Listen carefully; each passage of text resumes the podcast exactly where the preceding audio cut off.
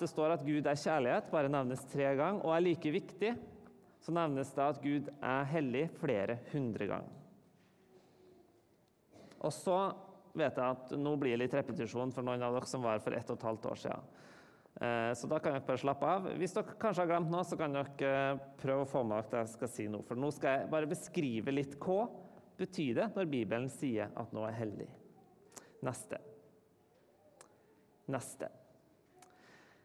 Den tyske teologen Rudolf Otto han beskriver det hellige som 'de ganz andres', eller det som er helt annerledes. I Bibelen er den direkte oversettelsen av ordet 'hellig' 'set apart' eller 'satt til side'. Det er noe som er annerledes. Guds hellighet er nemlig det som skiller det skaperen fra det skapte. Og Guds hellighet kan egentlig sammenlignes litt med ei sol. Sola det er den som gir verden liv. Det er den som gir lys, det er den som gir varme, det er den som gjør at ting kan vokse her. Neste. Men likevel så sånn at hvis vi skulle bevege oss nærmere sola, uansett hvor god og fantastisk og bra den er, så vil ikke oss tåle det. Til slutt, Du kan ikke f.eks. stirre på sola uten solbriller få, uten å få øynene dine ødelagt. Og Det handler ikke om at sola er ond, men det handler om at sola er så god, så mektig, så sterk, at oss mennesker oss kan ikke reise til sola. For oss tåler ikke det. Dette var det de bibelske forfatterne òg forsto med hellig. Neste. Sånn at tanken var at hvis du kom inn framfor Guds hellighet, og var det du kalte for uren, så ville du dø. Neste. Og det her skiller dem da mellom ren og uren. Ren, da var du klar for å komme fram for Guds hellighet. Uren, da var du ikke det. Og uren det kan kort oppsummeres med at du har et eller annet som representerer død ved det. Et eller annet som er med på å ødelegge Guds livgivende, eh, livgivende plan for verden. Eller at du enkelt og greit bare har tatt på et dødt dyr eller noe sånt. Så det var uren, det var ikke noe uvant. Neste. Og så Tanken var at hvis du tok på et eller annet, så ble du smitta, så da måtte du bli ren. Neste. Og Det er det hele tredje Mosebok handler om. Den handler om hvordan oss mennesker kan gjøre oss rituelt ren for å komme fram for Gud. Og det har Jesaja gjort her. Gikk han inn i tempelet, så har han helt sikkert gjort det.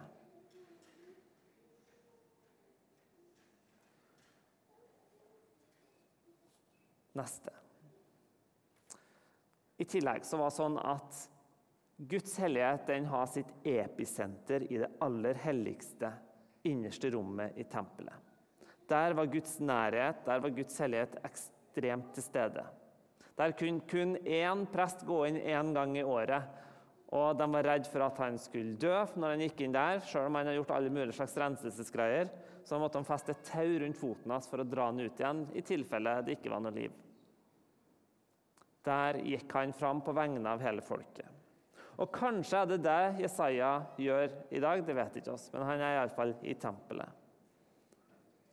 Neste. Og i dette møtet så skjer to ting med Jesaja. Det første er at han får behov for å bekjenne sin synd. For dagens samfunn så vil vi kanskje fort tenke at det er veldig undertrykkende å bøye kne for en hellig Gud og erkjenne sin tilkortkommenhet. Men i Bibelens budskap så er det nemlig det mest frigjørende oss kan gjøre. Jeg skal sitere en gammel sjelesorglærer på MF som sa at en mann er aldri så oppreist som når han står på sine knær og bekjenner sin synd. For Jesaja erkjenner at han ikke strekker til. Og kun når han er i den posisjonen, så kan han nå ta imot Guds tilgivelse og Guds nåde.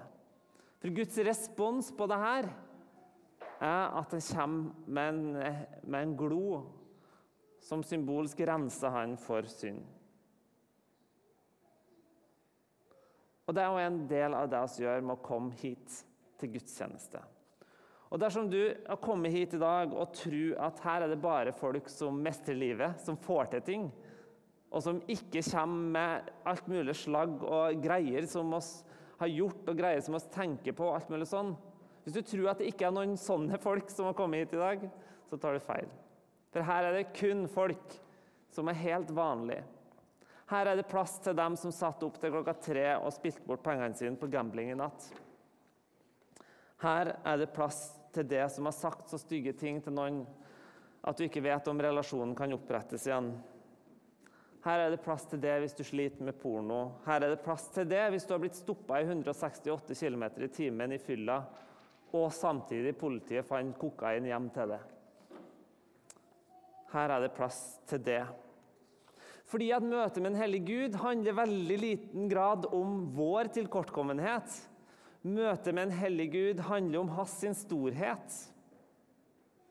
For det er jo et møte med hans storhet av nåde og kjærlighet og tilgivelse. Det han visste når han døde for oss på korset.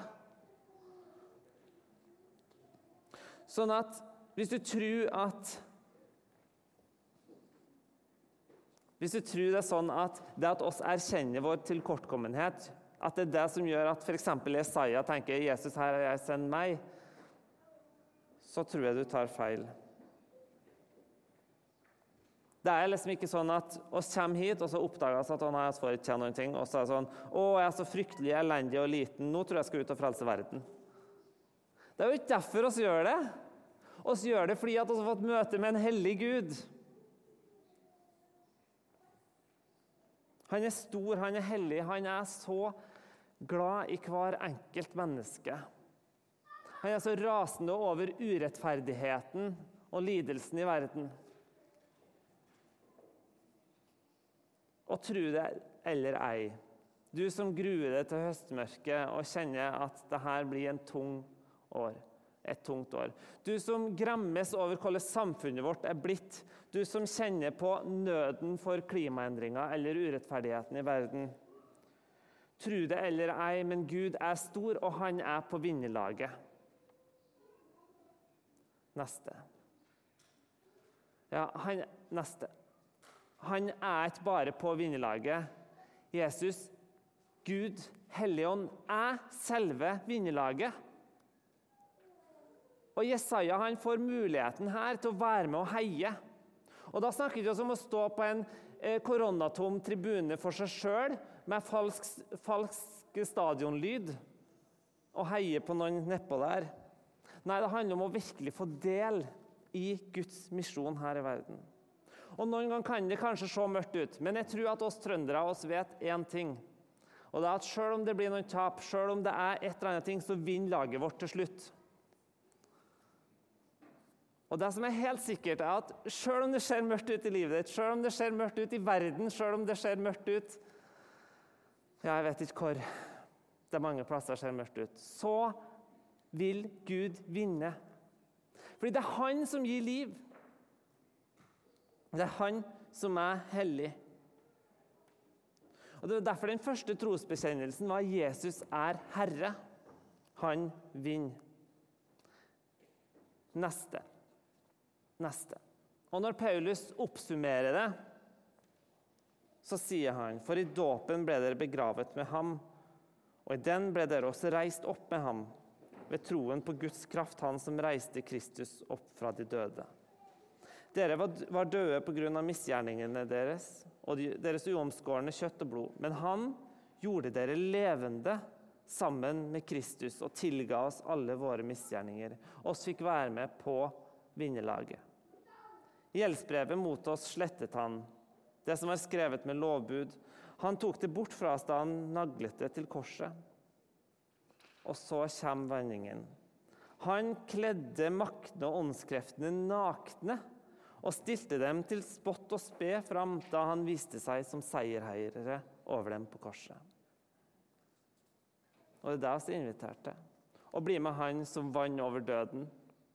Ut i verden og fortelle at det er en som har vunnet over døden, og du kan få være med på det laget. Og det er åpent for alle. Det var åpent for Jesaja, og det var åpent for hele folket hans. For Leslie Newbigin så var det kanskje et møte med Guds hellighet som gjorde at han ble sendt. Men for dere som husker godt, så sa jeg jo at eh, det var en annen ting som Jesaja måtte bekjenne. Han sier Jeg bor blant et folk med urene lepper. Fordi, hvis dere husker, så sa jeg at i kjernen av tempelet, der var Guds hellighet synlig til stede. Men Guds hellighet skulle ikke bare stoppe der, det skulle spre seg fra Jerusalem og ut i hele verden. Og israelsfolket var kalt til å være et hellig folk. Dere skal være hellige, sier, eh, Mose, nei, sier Gud i tredje Mosebok. For jeg, Herren deres Gud, er hellig.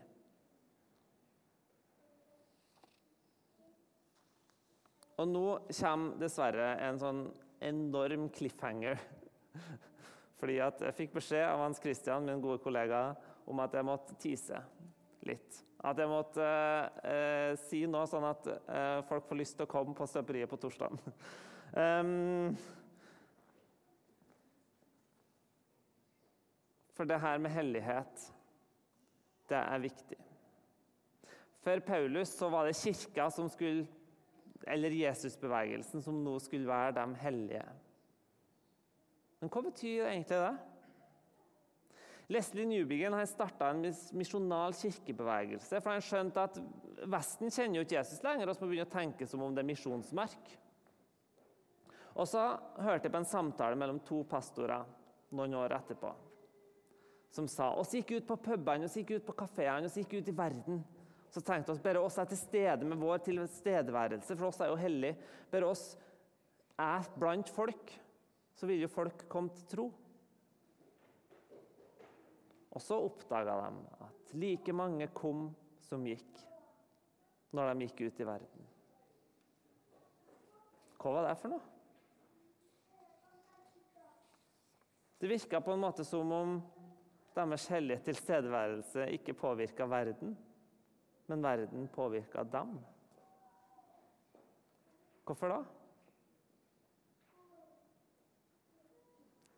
Kallet til å være, til å være hellig, det har oss alle fått. Det er et kall til å være annerledes. Og Det er tema for støperiet i høst. Annerledes. Hva vil det si å være annerledes enn verden? På torsdag skal vi utforske det temaet litt mer. Hva vil det si å være et hellig folk? Uansett. Det er ikke vår tilkortkommenhet eller våre evner eller våre ting som gjør at oss skal gå ut. Nei, det er Guds hellighet. Det er at han vinner. At han er på vinnerlaget. Det er det som gjør at oss skal gå ut. Så når vi da forlater kirka i dag, så husk oss er på vinnerlaget, oss som ønsker å følge Jesus. Og til slutt så vil han skape en ny verden der alt er godt, og alle relasjoner er gjenoppretta. La oss be. Gode Herre, takk for at du er god, at du er hellig, at du bare ønsker det beste for oss. Takk for at du deler vår smerte. At du er sint på den uretten som har ramma oss.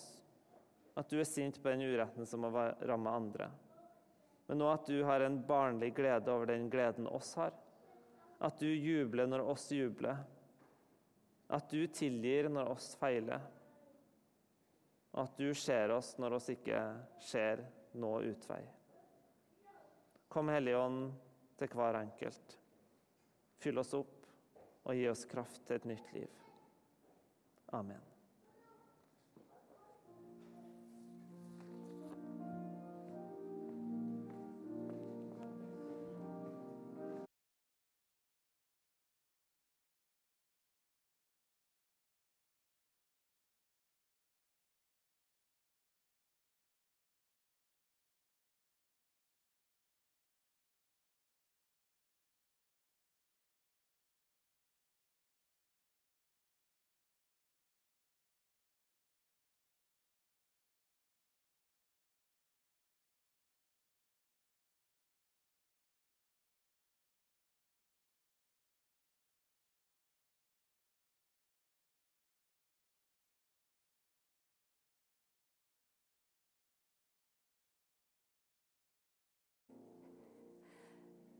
Da kan vi reise oss, og så skal vi si trosbekjennelsen sammen.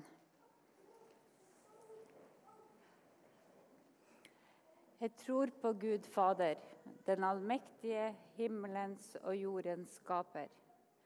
Jeg tror på Jesus Kristus, Guds enbårne Sønn, vår Herre, som ble unnfanget ved Den hellige ånd, født av jomfru Maria, pint under Pontius Pilatus, korsfestet, død og begravet, for ned til dødsriket, sto opp fra de døde tredje dag for opp til himmelen, sitte ved Guds den allmektige Faders høyre hånd, skal derfra komme igjen for å dømme levende og døde. Jeg tror på Den hellige ånd, en hellig allmenn kirke, de helliges samfunn, syndenes forlatelse, legemets oppstandelse og det evige liv. Amen. Blir vi stående og synge?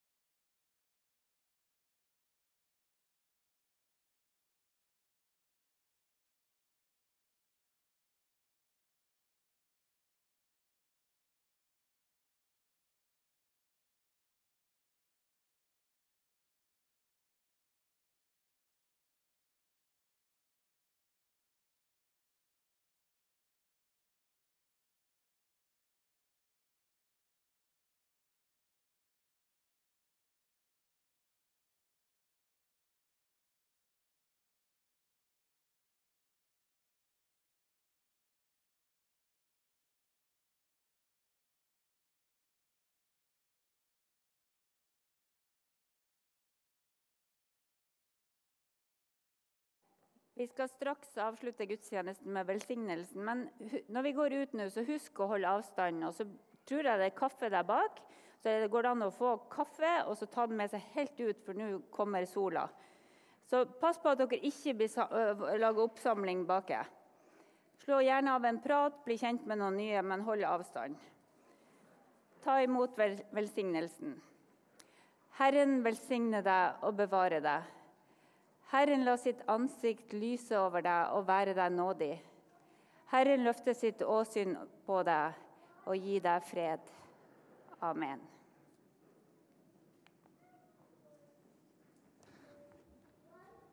Hanne, kan ikke du komme opp? En starter. Du har ikke mikrofon, så må du gå dit. Jeg skal bare fortelle om eh, en eh, ting som kommer til å skje i dag for eh, dere som, for dere som er ung voksen og føler dere som det. Hanne, du leder den eh, gjengen. Kan du fortelle hva som skal skje? Ja, de som føler seg litt uh, ung uh, eller er studenter, de er hjertelig velkommen til å være med på grilling og kubbespill på festningen etterpå. Uh, ja, Se litt etter meg, eller Magnus som står bak, eller noen andre som ser litt ung ut. Og så er det noen som går, noen kjører, noen skal handle grillmat på veien. Eh, ja, bli gjerne med. Takk, Hanne. Det er en eh, vanlig tradisjon i Frikirka her at eh, de som er unge voksne og studenter, gjerne drar en plass og lager mat eller et eller annet sånt. Ja. Da synger vi oss neste sang.